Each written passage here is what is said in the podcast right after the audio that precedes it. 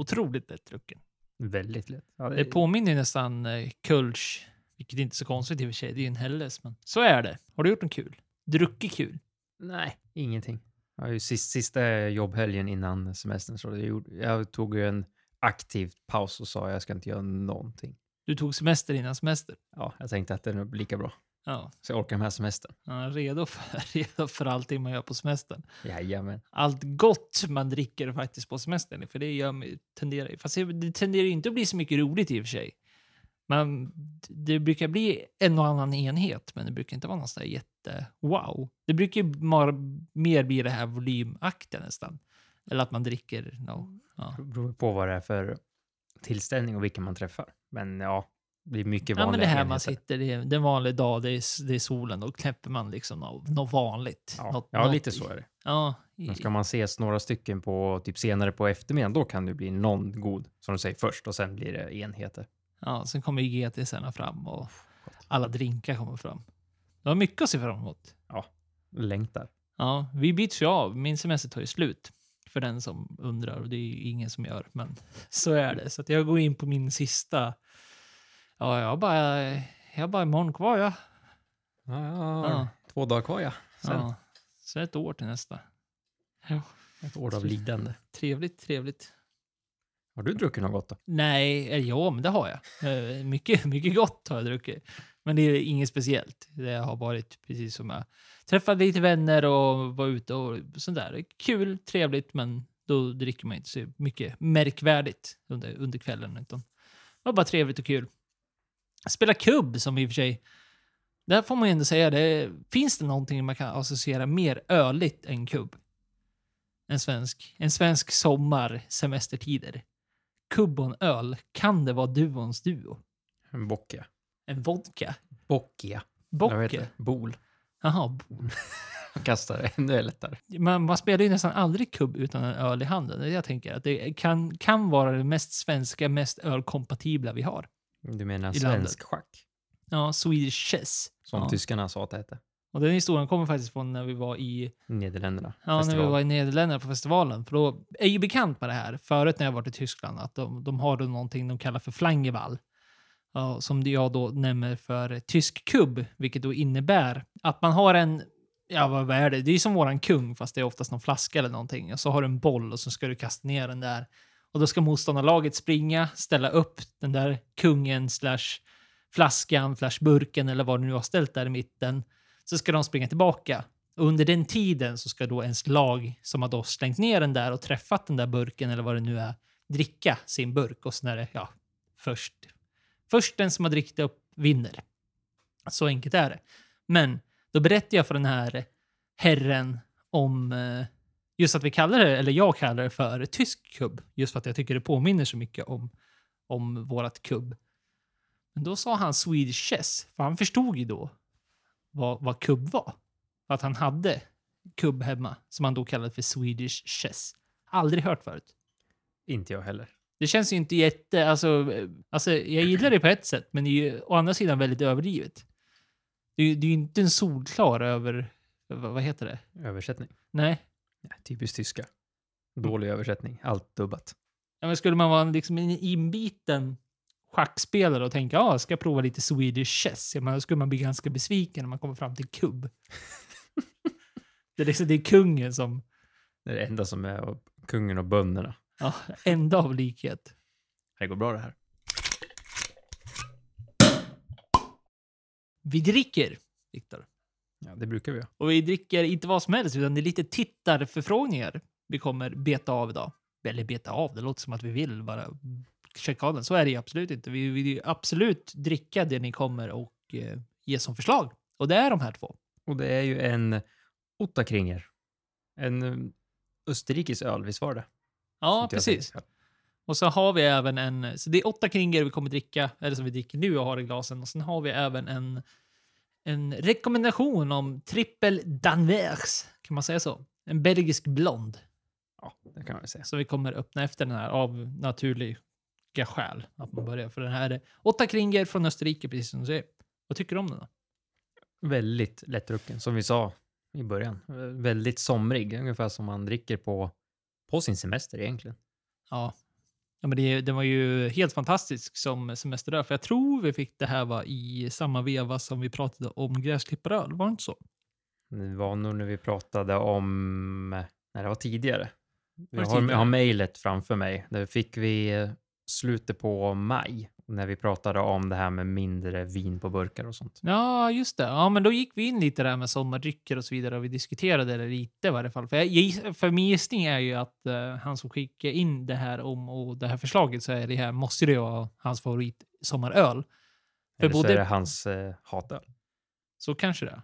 Och sen sitter vi och hyllar den. Nej, men det, alltså, det är ju en riktig törstsläckare. Absolut. Det är ju Alltså ingen, som- det är ingen smaksensation så, men den är jättetrevlig och god tycker jag. En vanlig Alltså, ljuslag. Det är en Mm. Helles eh, och en Helles är ju det är ju en subkategori till lager. Så att det är ju alltså en ljus. Helles betyder ju alltså ljus. Ljus eller pale eller ja, något sånt där. Och det är ju en subkategori till lager som eh, då framförallt kommer ifrån München, Tyskland. Som också är en tradition som har slått igenom ganska mycket här i Sverige, fast vi ju tenderar att ha lite mer beska lite mer i våran svenska, som vi säger i svenska lager, som också egentligen är import av Tyskland, precis som ja, egentligen all lager. Men eh, just den här hällelsen är ju traditionellt sett så här att den är väldigt, väldigt lättdrucken, har eh, minimalt med alltså kolsyra, inte samma, vad ska vi säga, samma punch som man kanske får från en svensk traditionell lager, utan den, den är ju lite själv. Den påminner ganska mycket som en tjeckisk lager. Den glider ner lätt. Hade, Ja. hade vi suttit ute i solen och spelat in mitt på dagen, då hade nog den här varit slut för länge sedan. Ja, oh ja, det påminner lite om Kölschen till och med. Alltså på, på det sättet att den är... Jag försöker hitta på bättre ord, men jag tror beska är väl det enda man kan säga som vi har i våra svenska, svenska lager. Om man då ska ha någon typ av eh, jämförelse. Men mer kanske mot en traditionell tjeckisk lager. Eller som vilken hälle som helst egentligen. Har man druckit hälle som man vet vad det är, då förstår man ju precis vilken typ av smaktoner och vilken typ av munkänsla den här ölen har. Kommer du ihåg hur mycket den kostade? För den var ju, det det jag tänker också, att den är, ju, den är väldigt lätt drucken. Trevlig törstsläckare att ha på under sommaren, under semestern. Och det var bra pris vill jag minnas. Ja, 14,90. Det är jättebra pris. Ja, absolut. Och det är glasflaska ska sägas. Men en sån här, eh, den kall, kylan längre. och en hand eh, sån här öppnare. Eh, Skruv- en- skruv. Skruvkapsyl. Ja, precis. Och det gillar man ju. Man, man gillar ju känslan av att bara ta en direkt ur kylskåpet. Jajamän. Ja, Nej, men det här tyckte jag om. Väldigt trevlig. Stort tack till... Ju, ska vi... Outar vi några namn eller? Nej, det gör vi väl inte. Ett förnamn kanske. Ja, Peder Peder. Tack som Peder. in. Och vi brakar väl av avsnittets nyhetssegment mot en eh, ja, men ganska uppmärksammad nyhet ändå, som har varit dygdig på medierna, som jag tror de flesta säkert har sett, som måste nämnas, är ju twisten mellan Winefinder och Systembolaget som har blivit klart. Winefinder vann eh, över Systembolaget i Högsta domstolen. Eh, Så att eh, de kommer få sälja, fortsätta sälja till Sverige och svenska kunder. Bakgrunden till det här var ju då att ända sedan Winefinder startade, typ 2008 var det väl, ända sedan de startade och fick tillstånd till att bedriva verksamhet, 2007 står det till och med, förlåt, så har man då satt igång den här diskussionen att får man göra, får man, får man göra det här eller får man inte? Just för att det är då marknadsfört och ser ut som att det är svensk ägt och då ska strida mot Systembolagets monopol. Och det var precis det som Systembolaget också tyckte. Så de drog ju det här till en laglig twist i Högsta domstolen. Ska, ska det verkligen behöva vara så här? Eh, 2019, så det tog alltså ganska lång tid mellan att de startades och att de drog igång den här lagliga twisten. Vilket är kanske lite grisigt. För det måste varit jobbigt för Winefinder gissar jag, som alltid har legat, menar, har alltid haft den här diskussionen uppe i sig. Eller runt sig snarare. Ja, de vann och de får fortsätta sin verksamhet. Grunden till detta är ju då, även om det är ser svenskt ut och det bedrivs väl kanske av ett svenskt grundbolag eller något sånt där. Jag vet inte. Men eh, skitsamma. Utgår från Danmark. Precis, de utgår från Danmark så att det är ju då import. Och import får du naturligtvis göra. Import av alkohol är ju tillåtet. Ja, precis. Det stora grejen med det här är ju att de som vi har pratat om tidigare, att det hotar det svenska monopolet. Men eh, Winefinder är ju väldigt nischad. Det finns ju inte så mycket. Det är ju väldigt svårt att jämföra den sajten med Systembolaget i hur mycket grejer som finns. Då Winefinder mer fokuserar på eh, andra drycker och mer småodlare som inte kommer in på systemet. Det som väcker då kritikerna till det här beslutet, att man kanske kan tycka att ja, men det är väl fånigt, det är klart det här ska få existera, och det ska finnas någonting annat. Men kritikerna till det här att eh, uh, Winefinder går igenom nu är just att dels att det bedrivs av en sån här stor laglig twist så att man då har ett beslut från Högsta domstolen att det här är okej okay, och att det då kan få andra inom marknaden att vilja bedriva samma typ av verksamhet. Alltså att man öppnar upp bolag som då, ja men ta egentligen bordershops eller vad som helst som blir då designade av ett kryphål.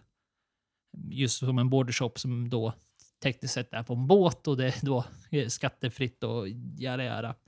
Att man då försöker hitta ett twisthål nu som du kanske gör då att svenska bolag kanske försöker ja, bedriva onlineförsäljning av sprit men då bedriver verksamheten lagligt sett från, det behöver inte vara Danmark, det kan ju vara något annat land, men då bedriver som import. Det öppnar ju upp för det. Och det, det, är, det är ju säkert många som tycker det är bara positivt. Och naturligtvis folk som tycker det är negativt. Precis som när vi pratade om gårdsförsäljning över, överlag, att det är ju folk som tycker väldigt starkt åt det ena hållet och väldigt starkt åt det andra hållet. Så att, eh, ja, det, är, det är svårt att göra alla nöjda här, men jag är svårt att se det, det de skriver och det de säger. Det är Aftonbladet vi tar det härifrån. Eh, det är inte bara de som har rapporterat, men vi tog upp den artikeln just nu. Och att det just att det hotar det svenska monopolet som att nu kommer Systembolaget lägga ner. Och det kommer det ju inte göra. Bara för att eh, en av de här vann. Men det är väl det är väl risken att öppnar upp att det kommer fler som börjar hålla på så här när de väl har vunnit en gång. Sen tror inte jag att folk har det kapitalet. För det tåls ju att säga också att nu när Winefinder vann så var ju Systembolaget tvungna att betala deras eh, vet det, räkningar för hela domstolen och allt sånt. Ja, men precis. Men historiskt sett när det kommer väl till, till beslut som har tagits av Högsta domstolen behöver naturligtvis inte bara handla om alkohol och tolkningar av alkohollagningen. Det kan vara i stort sett vad som helst. Att ha ett beslut en gång tagits så brukar det användas som en mall ifall det ska behöva tas upp igen. Och i det här fallet då nu när väl Oanfire har börjat så verkar det ju då historiskt sett, om man då ska kolla historiskt hur sådana här fall har fungerat, så kommer det inte tas upp igen i rätten. Och det gör ju att det, ja, men folk kommer säkert våga, precis som du säger, att det finns ju den här Winefinder blev den som tog täten på det här och då hamnade i risk och bli, få de här böterna och kostnader och så vidare. Men som nu Systembolaget får betala då, det är ju, det är ju vi med andra ord.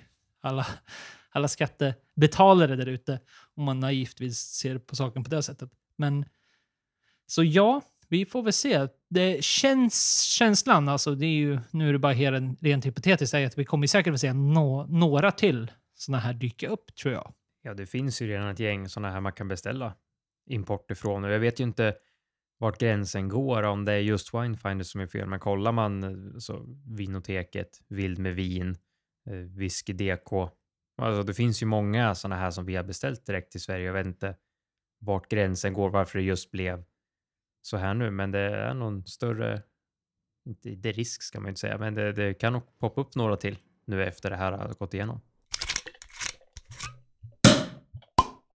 Nu har det hänt igen. Tyvärr.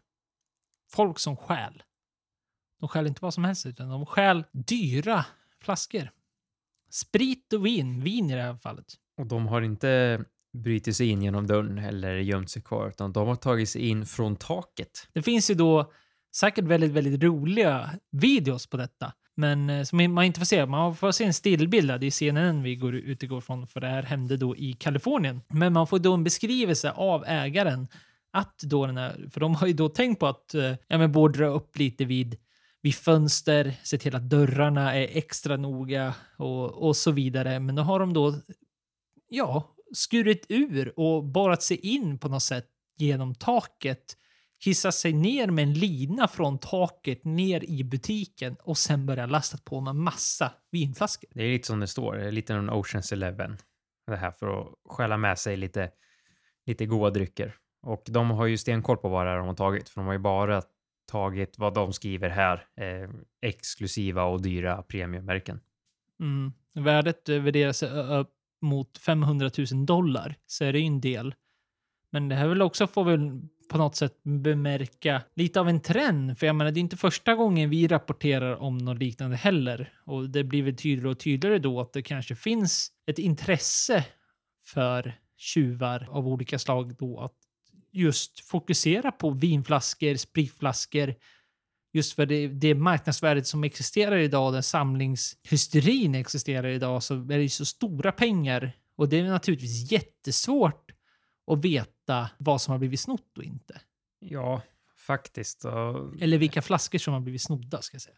ja, man behöver ju ha en väldigt bra inventarielista för att veta att vad som har blivit snott. Men sen eh, folk säljer ju hela tiden och om man, de flesta har nog koll. De vet ju vad de går in för, de vet vad de tar.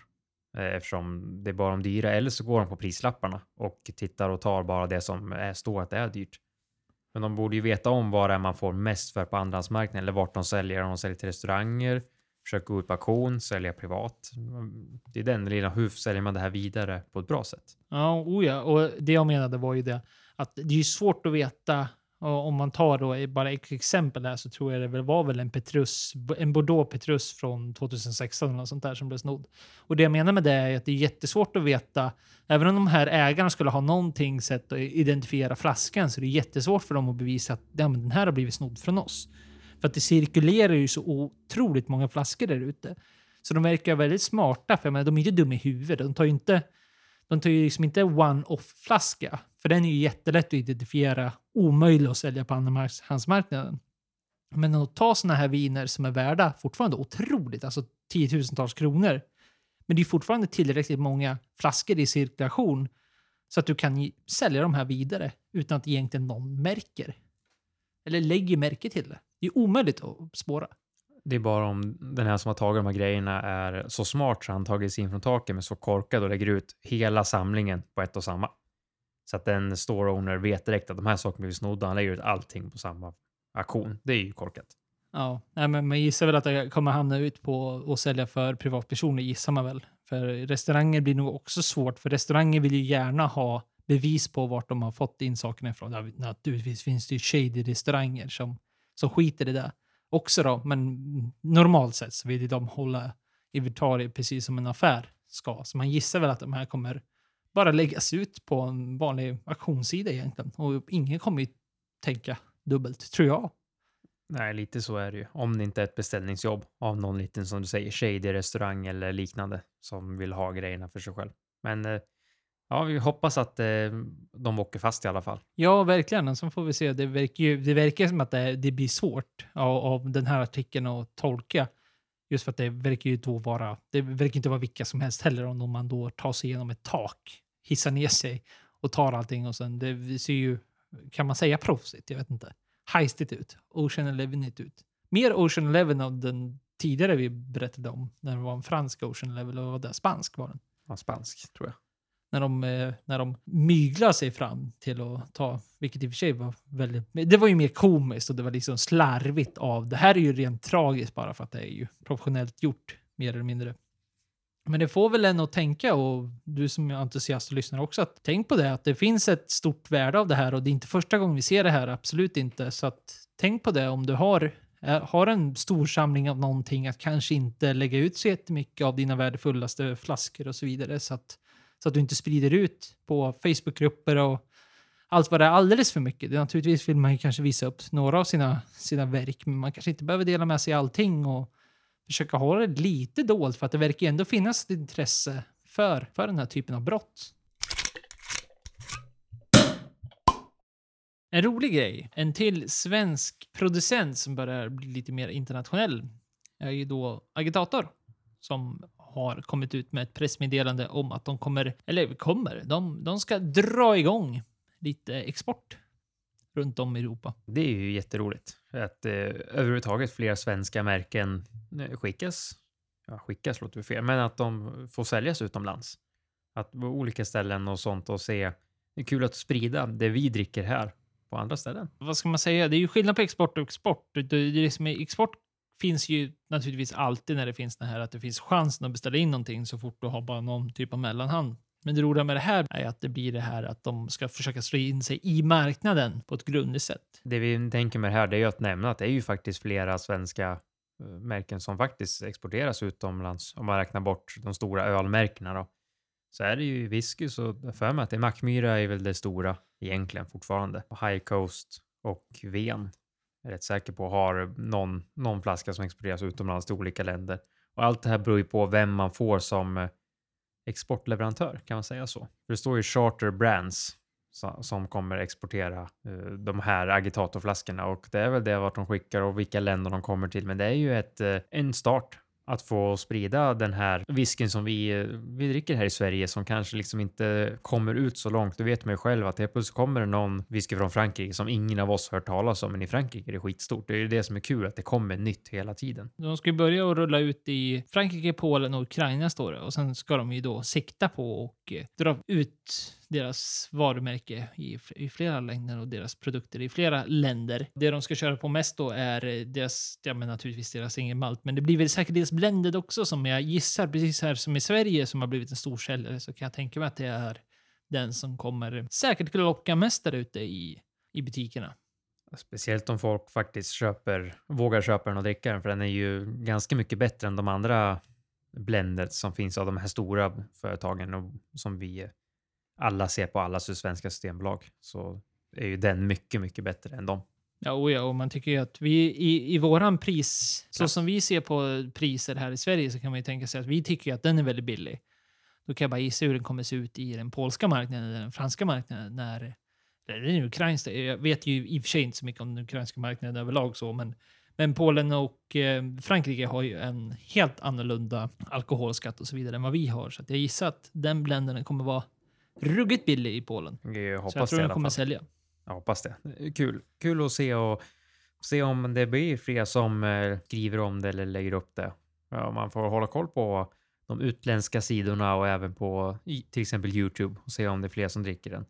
Roligt för Agitato i alla fall att komma ut i världen lite grann. Återigen, ett stort hus eller stort hus, ett stort destilleri som eh, vars lager har varit lite i blåsväder igen för att folk påstår att deras lagerhus och deras lager av whiskytunnor skapar svartmögel. Det har vi pratat om tidigare. Då var det ju i Tennessee med Jack Daniels och eh, nu är det i eh, Skottland där det är Diageos Whiskey Bond Warehouse som då ger svartmögel till närområdet. Och det är ju speciellt en familj här som har varit på och sagt det att det, liksom, det är synbara svarta fläckar på både taket och på möblerna och överallt. Så det, det visar väl att det, det, är väl ett problem som tillkommer med de här stora lagerhusen där det ligger hur mycket tunnor som helst. Så vi får se vad som händer med det här då, för det har väl Diageo ställer sig ju hårt emot detta. De tycker absolut inte att det här är någonting som eh, deras lagerhus har påverkat på något sätt, utan det här är bara en ren, en, någonting som skulle ha hänt ändå. Gissar jag väl att de, det är det, det de eh, syftar på i det här fallet. Men eh, vi får väl se vad som händer då. För det verkar som att det kanske kommer dras in i någon typ av eh, rättslig process. Det ser ju ut som det.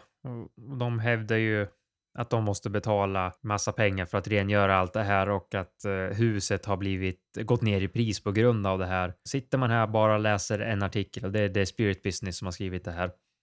Så det är svårt att säga vad det är. Hur nära lig ligger det här huset 10 meter från lagerlokalen eller ligger den 100 meter från lagerlokalen? Alltså hur nära är det egentligen? Och så vet man ju inte hur huset, vad är det för skick i? Alltså de kanske är några personer som bor där som inte tar hand om det. Det är vattenskalor som gör att det blir det här möglet överallt. Men eh, det är ju återigen samma sak som det var i Tennessee med Jack Daniels lager. Så att det kan mycket väl vara lagerhusen som avger så mycket och sprider det så långt. Ja, oavsett om det liksom är just det här med att eh, det är svartmögel. Vi såg så artikeln annonserad här på The Spirit Business. Men när man väl tittar in i det här lite grann så verkar det snarare om att det, det de verkligen vill gå i grund är precis som det, det du sa då, att de här som har köpt det här huset anklagar Diageo för att de inte för att det ska ha gått ner i värde, det här huset. Och det har de ju då, eh, den, den skotska rättsliga processen, lett fram till att det, det håller de med om. Så att de anklagar alltså att Diageo har lett till att deras hus inte har gått upp i värde på grund av alla de här svarta prickarna som hamnar på väggar och tak och, och då inte bara husen, även på, på bilar och så vidare. Så vilket man gissar väl naturligtvis att det gör att folk inte är så jätteintresserade av att köpa ett hus just där. Men mm, återigen, vi får se att de ställer sig hårt emot detta. Och varför det här blir intressant tycker, tycker vi vi, det är väl just det här att det kan bli så att det är kanske någonting som kommer bli mer och mer vanligt i framtiden. Om det då ska visa sig att fler och fler, att det är tydliga bevis på att folk har fått deras hem och deras bilar och deras fastigheter förstörda på grund av ett lagerhus så påverkas det ju naturligtvis kanske framtida bebyggelser av lagerhus av spriter och andra typer av alkoholhaltiga drycker i vissa fall. Så det är väl det som blir det här intressanta med de här rättsliga processerna. Precis som den rättsliga processen med Systembolaget som vi nämnde för några segment eller några nyheter innan så gäller det här naturligtvis sådana här saker också. Att ska det då börja byggas nya lagerhus, kanske det här är någonting man kommer börja kolla på, att man inte får bygga lagerhus nära andra bebyggelser och så vidare. Och det kan naturligtvis i framtiden påverka oss entusiaster och marknaden och producenterna som gör spriten framöver för att man inte får, man får inte lagra dem var man vill. Och då till en lite roligare grej eller någonting av, jag vet inte, det är kanske första gången vi stöter på det här va, när man väl sitter och vi sitter naturligtvis och vi letar efter eh, nyheter som vi då tycker är, kan vara värda att ta upp i, i podcasten. finns ju naturligtvis otroligt mycket som händer runt om i världen när det kommer till alkoholhaltiga drycker. Men den här är lite, slår lite emot för att det är alltså två styckna bra källor som har skrivit två olika perspektiv å andra sidan om just den här trenden som vi har pratat om med, med försäljningar runt om i världen som säger emot varandra, de här artiklarna lite grann. Det är ändå första gången. Ja, faktiskt, när de verkligen är eh, publicerade så nära in på varandra. Annars eh, så är det ju som det är med alla nyheter, eh, någon säger så här och sen går det en månad, sen har de ändrat sig. Men nu är det ju väldigt tätt inpå. Och eh, nyheterna och det vi pratar om, det är ju håller premiumization på att ta slut? Eller den trenden, vad säger man? Ja, den trenden som vi har pratat om och vi har rapporterat, jag vet inte hur många gånger nu under den här våren, som även varit tydliga siffror på att premiumization är någonting vi konsumenter, entusiaster har suktat efter att vi då köper. Och det handlar då alltså om att man köper kvalitet för kvantitet och man köper mer enstaka flaskor som man kanske verkligen vill ha som kostar lite mera och får mer kvalitet snarare än att man köper flera olika separata för kvantiteten. Möjligtvis. Behöver naturligtvis inte nödvändigtvis vara så, men generellt sett.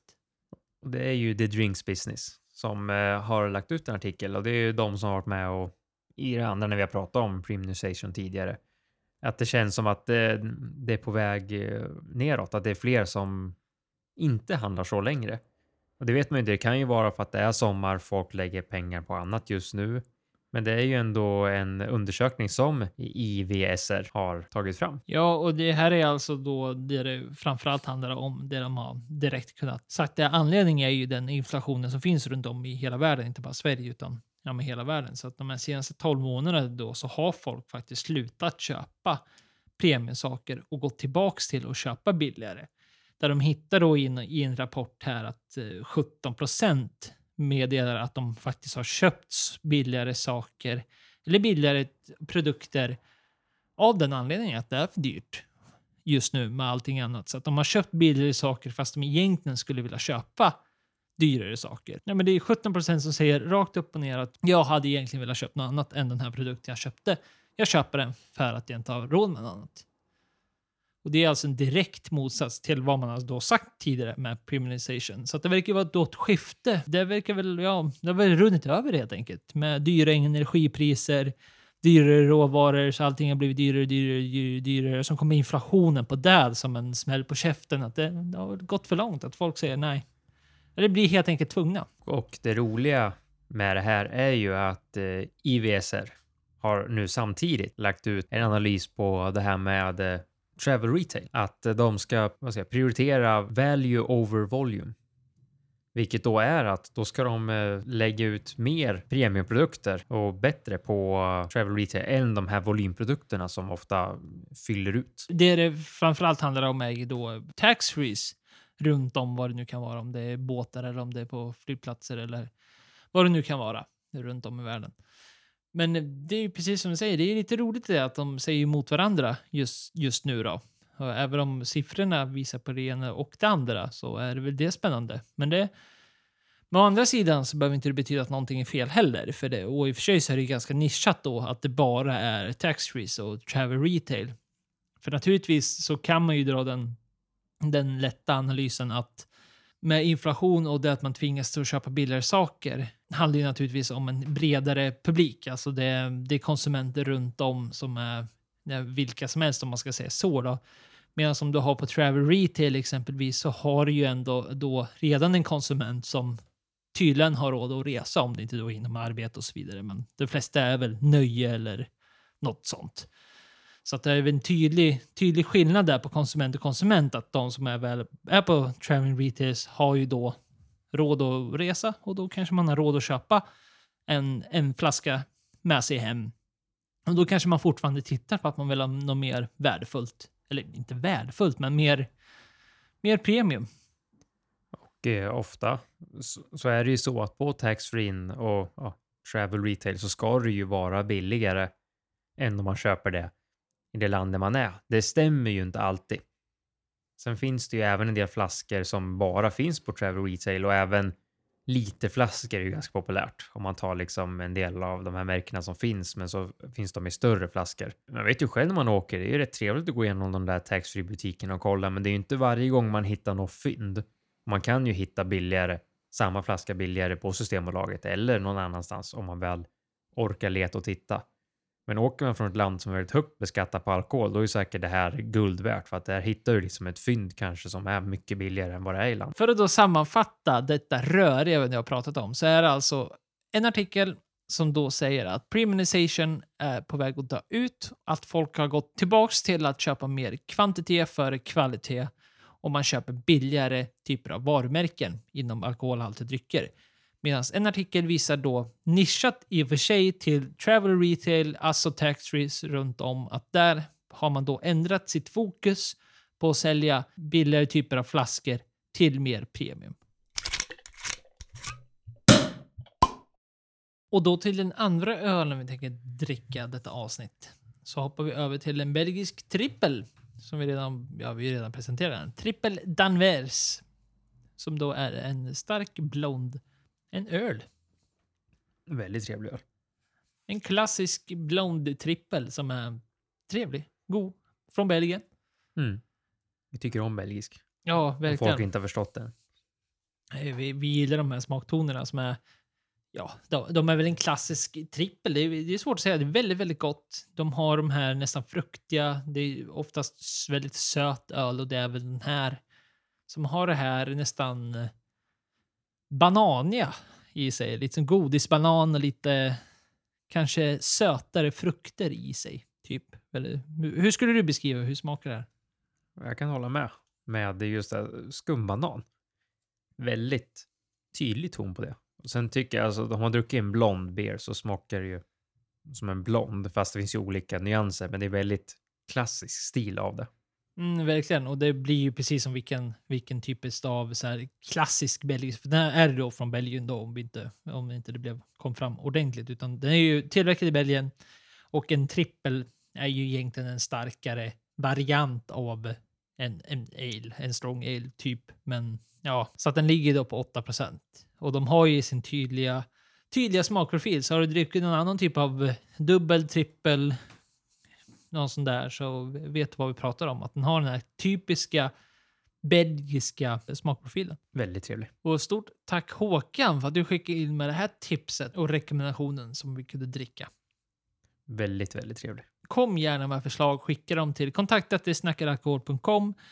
Skicka iväg ett mejl där eller så skickar du iväg till Instagram eller Facebook på ett PM eller skriver i kommentarsfältet vad det nu kan vara ifall du har någon det kan vara rekommendation, det kan vara någonting du kanske är nyfiken på, vad vi, vad vi tycker om någonting eller vad det nu ska, kan vara. Så skicka iväg. Vi, det är klart vi tar in era inputs och provar saker, så skicka gärna in i... Ja, det behöver inte vara jättedyrt va? Vi kommer inte köpa en flaska vin för 6000 kronor. Vi är inte där Inte än. Nej, inte än. So far. Ja, tänker vi en Eurojackpot på fredag, så då kanske... Då är det bara att skicka in. Då... Vad vill du att vi ska prova? Vi provar allt. Jajamensan. och apropå skicka in saker och så vidare så berättade vi då tidigare att eh, Peder som skickade in åtta kringer gav även en kommentar på det ämnet vi pratade om i det avsnittet. Som då handlade om exempelvis det som du nämnde där lite när vi väl presenterade den ölen så kom det in när vi väl diskuterade vin på burkar.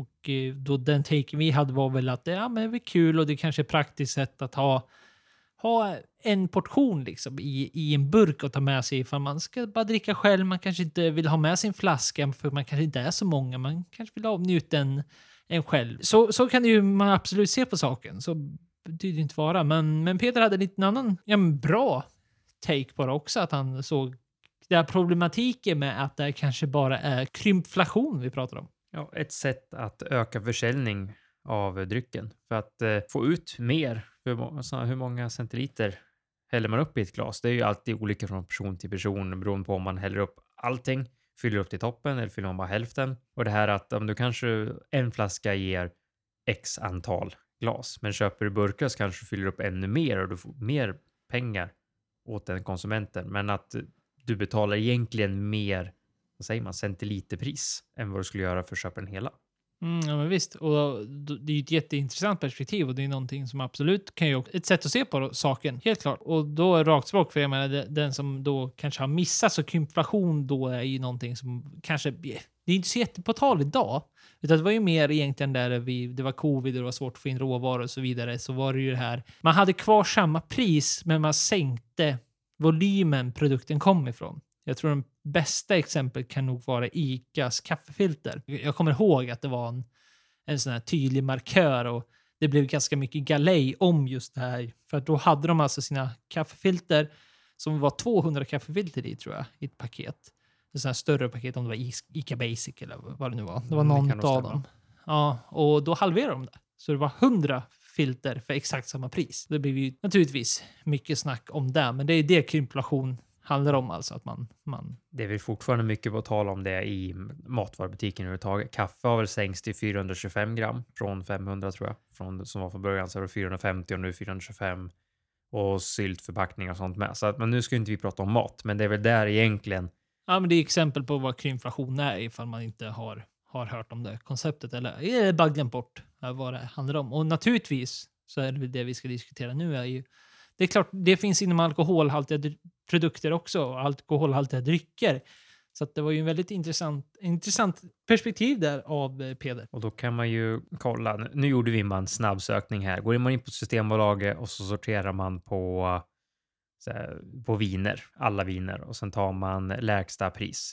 Och det billigaste vin just nu på Systembolaget det är en Petit Belle, ett sydafrikanskt vitt vin på 200 milliliter för 19 kronor. Det är ju inte mycket pengar, men det är ju samtidigt väldigt lite vin också skulle jag säga.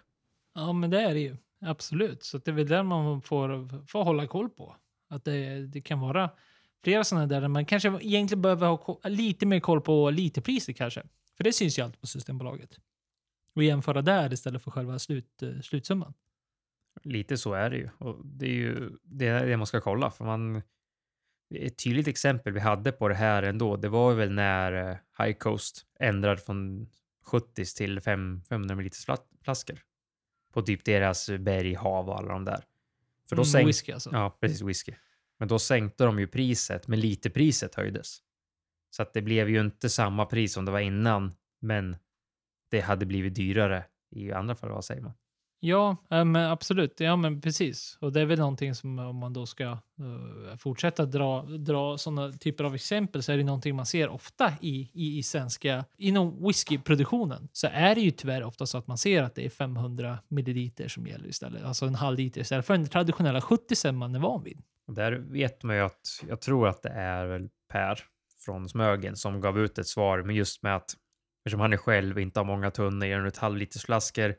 Det är billigare skatt eftersom eh, han... Smögen är alltså också ett svenskt ja, whisky nu, nu pratar vi whisky för att det är det vi har lite koll på.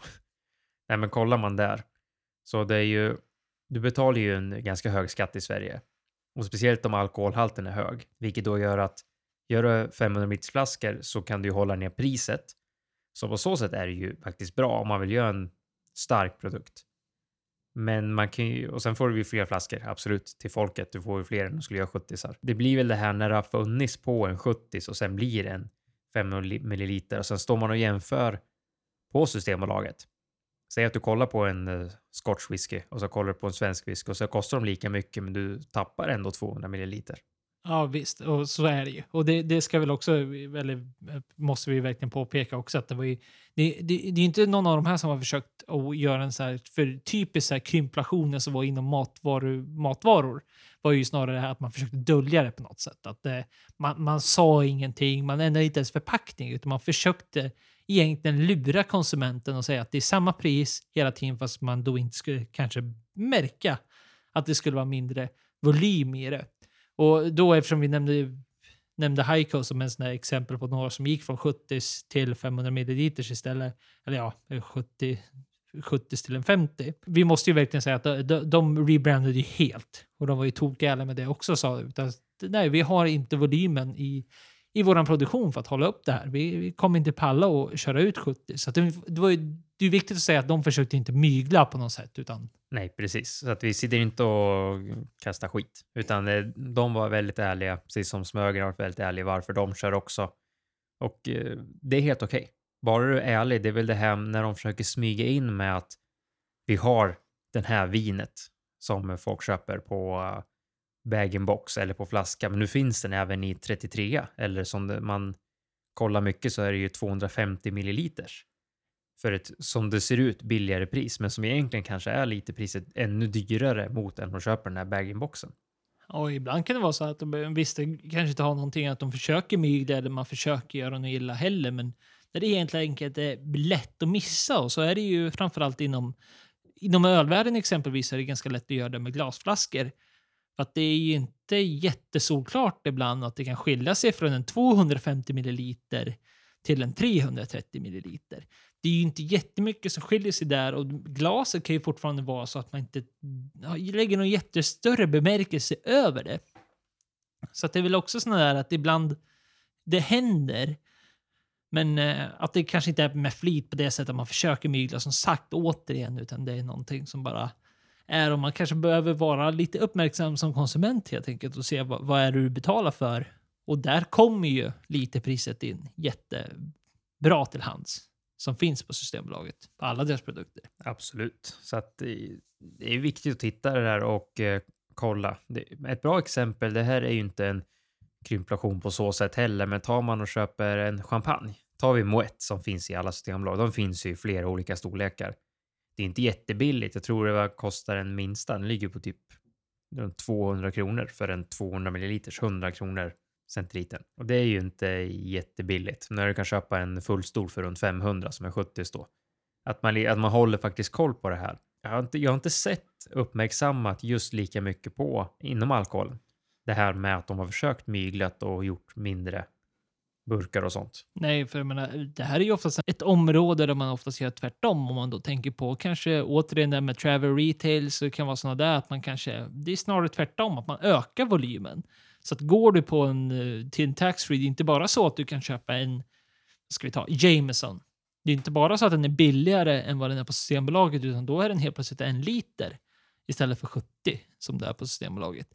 Så oftast så är det ju snarare att det är tvärtom. Och samma sak om du tänker bag-in-box-vin exempelvis, så får du oftast då billigare pris ifall du köper då 3 liters bag-in-box istället för att köpa flaskorna. Vilket man i och för sig då, ja men det är någonting man tar för givet, att det är klart det är så. För så är det inom många andra typer av eh, produkter. Jag tänker att du köper bulk, volym, så blir det billigare. Men det verkar ju vara någon trend här. Eller trend är det väl inte, men krympflationen är någonting som har bevisat att det nödvändigtvis inte är så. För att du kan lura en stor del av konsumenterna genom att bara sänka priset på en redan existerande vara. För att det finns de där ute som inte kommer bry sig och de kollar inte vad vi nu kan motsvara alkoholen på Systembolaget som literpris. Men ute i butikerna så kan det vara kilopris exempelvis. Men det är någonting någonting man inte är van vid att se helt enkelt. Lite så är det.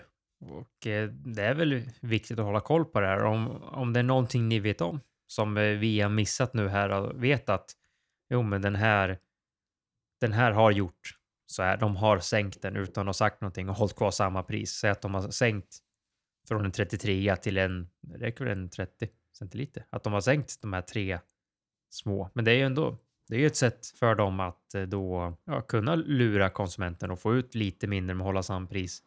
Men sen är det ju återigen, det har varit tuffa tider. Det är råvarubrist och det är alltid dyrt. Så får du ut ännu mer och kan sälja mer men inte behöva höja priserna så är det ju absolut ett sätt att gå tillväga. Men eh, det är ju att vara ärlig med vad du gör. Försök inte lura folk, för då tror jag att du biter dig själv i arslet. Nej, men visst är det så. Och det får vi hoppas att vi slipper inom våra alkoholhaltiga drycker i alla fall. Men så finns det ju även ett perspektiv som är viktigt att nämna är ju just Systembolaget. Och ett av uppdragen på Systembolaget har återigen är ju det att man ska försöka minska alkoholkonsumtionen bland det svenska folket. Och det här är då viktigt att ta beaktning just för det uppdraget och vad man köper in. Med det sagt så har man varit utomlands så jag tänker, jag tänker framförallt på X exempel nu, jag som en ESB-konnässör och Fullers-konnässör, är att är du i England exempelvis så kommer du stöta på deras flaskor både ute på barer och ute i affärer där du kan köpa dem så är de alltid halvliters. De är alltid halvliters. Men här i Sverige så har de, är de 33 Och det där har jag hört att det är av design. Att fullersflaskorna var även här i Sverige en gång halvliters. Men Systembolaget vill inte ha in dem för att de återigen vill att man ska minska konsumtionen så att de ville ha dem i 33 för att det fanns 33 att köpa. Fullers kunde möta det kravet helt enkelt.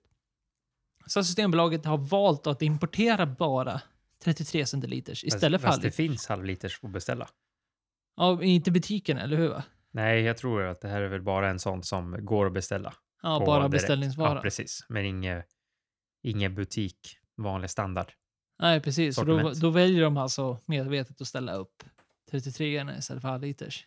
Det är absolut ingenting jag säger att det är något dumt, dåligt eller det är någonting sånt där, utan men det är bara ett till perspektiv man måste ha när man tänker på det här med krympflation och förminskade förpackningar. Att det kan vara Systembolaget som väljer att ta de alternativen när de väl existerar. Äntligen är det tillbaks efter en veckas paus. Veckans släpp. Där har vi dåliga glas, jag måste köpa nya. Det låter som plast nästan. Det är det ju absolut inte, men det, det lät ju nästan Så håller för då måste jag hålla. Men det var, ju- det var ingen... Ja, ja, ja okej då. Okej. Hallå.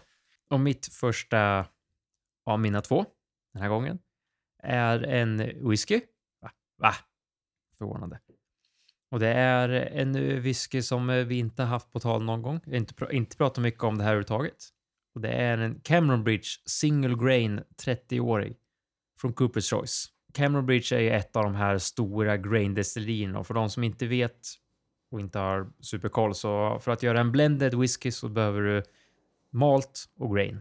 Och det här är ju en stor fabrik, Cameron Bridge, som gör massa grain till egentligen de största blending visk, eller blending whiskyna. Om man tar Johnny Walker, J&B, Bells, Black and White, Vat 69, Hay Club, White Horse eh, och, och ägs av Diageo. Och eh, grejen med grain är att det är inte samma, vad ska man säga, kvalitet som singelmalt. Tar du en 30-årig grain så är det inte samma som 30-årig single malt, Men du får fortfarande mycket mer utav det och jag har druckit väldigt lite grain whisky överlag för att ha superbra koll på hur det smakar. Men det man har hört är ju att eh, det ska bli ännu bättre med åldern och en del av de här äldre grain whiskyna ska ju vara helt fantastiska. Priset är ofta väldigt mer överkomligt än vad en malt är.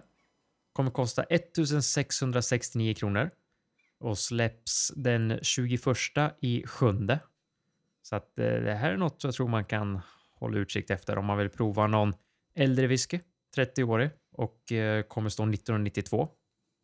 Viktigt för någon som är födda då, kanske. Eh, Sträcker ut hakan direkt och skiter ner och kallar det för sämre än singelmalt. Ja, det går naturligtvis att diskutera. Men Hallå? Ja, men jag tror generellt sett så håller jag nog med dig, men, men det finns nog, det finns nog eh, bevis där ute som kanske skulle säga något annat. Vem vet? Vem vet? Mitt enda släpp denna vecka får gå åt en öl. Kanske lite tråkigt nu när jag tänker efter. För nu sitter jag och tittar på den öl jag har valt och sen ser jag att det är ju då en veteöl. Jag har ju haft ett tag, några gånger. Men det, men det säger väl i och för sig, ja, det, det är väl vad det är. Det, det säger väl mycket om vad, vad, jag, vad jag suktar efter. Framförallt när det är sommar. Då är ju veteölen och blondölen och så vidare som jag nämnt förut. Att det, ja, det är bra. Men veteöl i varje fall. Theoretical Jam heter den. Det är en amerikansk öl. Har säljstart den 21 sjunde. Kommer kosta 30 kronor plus pant. Men det är en liten öl på 355 milliliter. 6 och Theoretical Jam görs av Cigar City Brewing.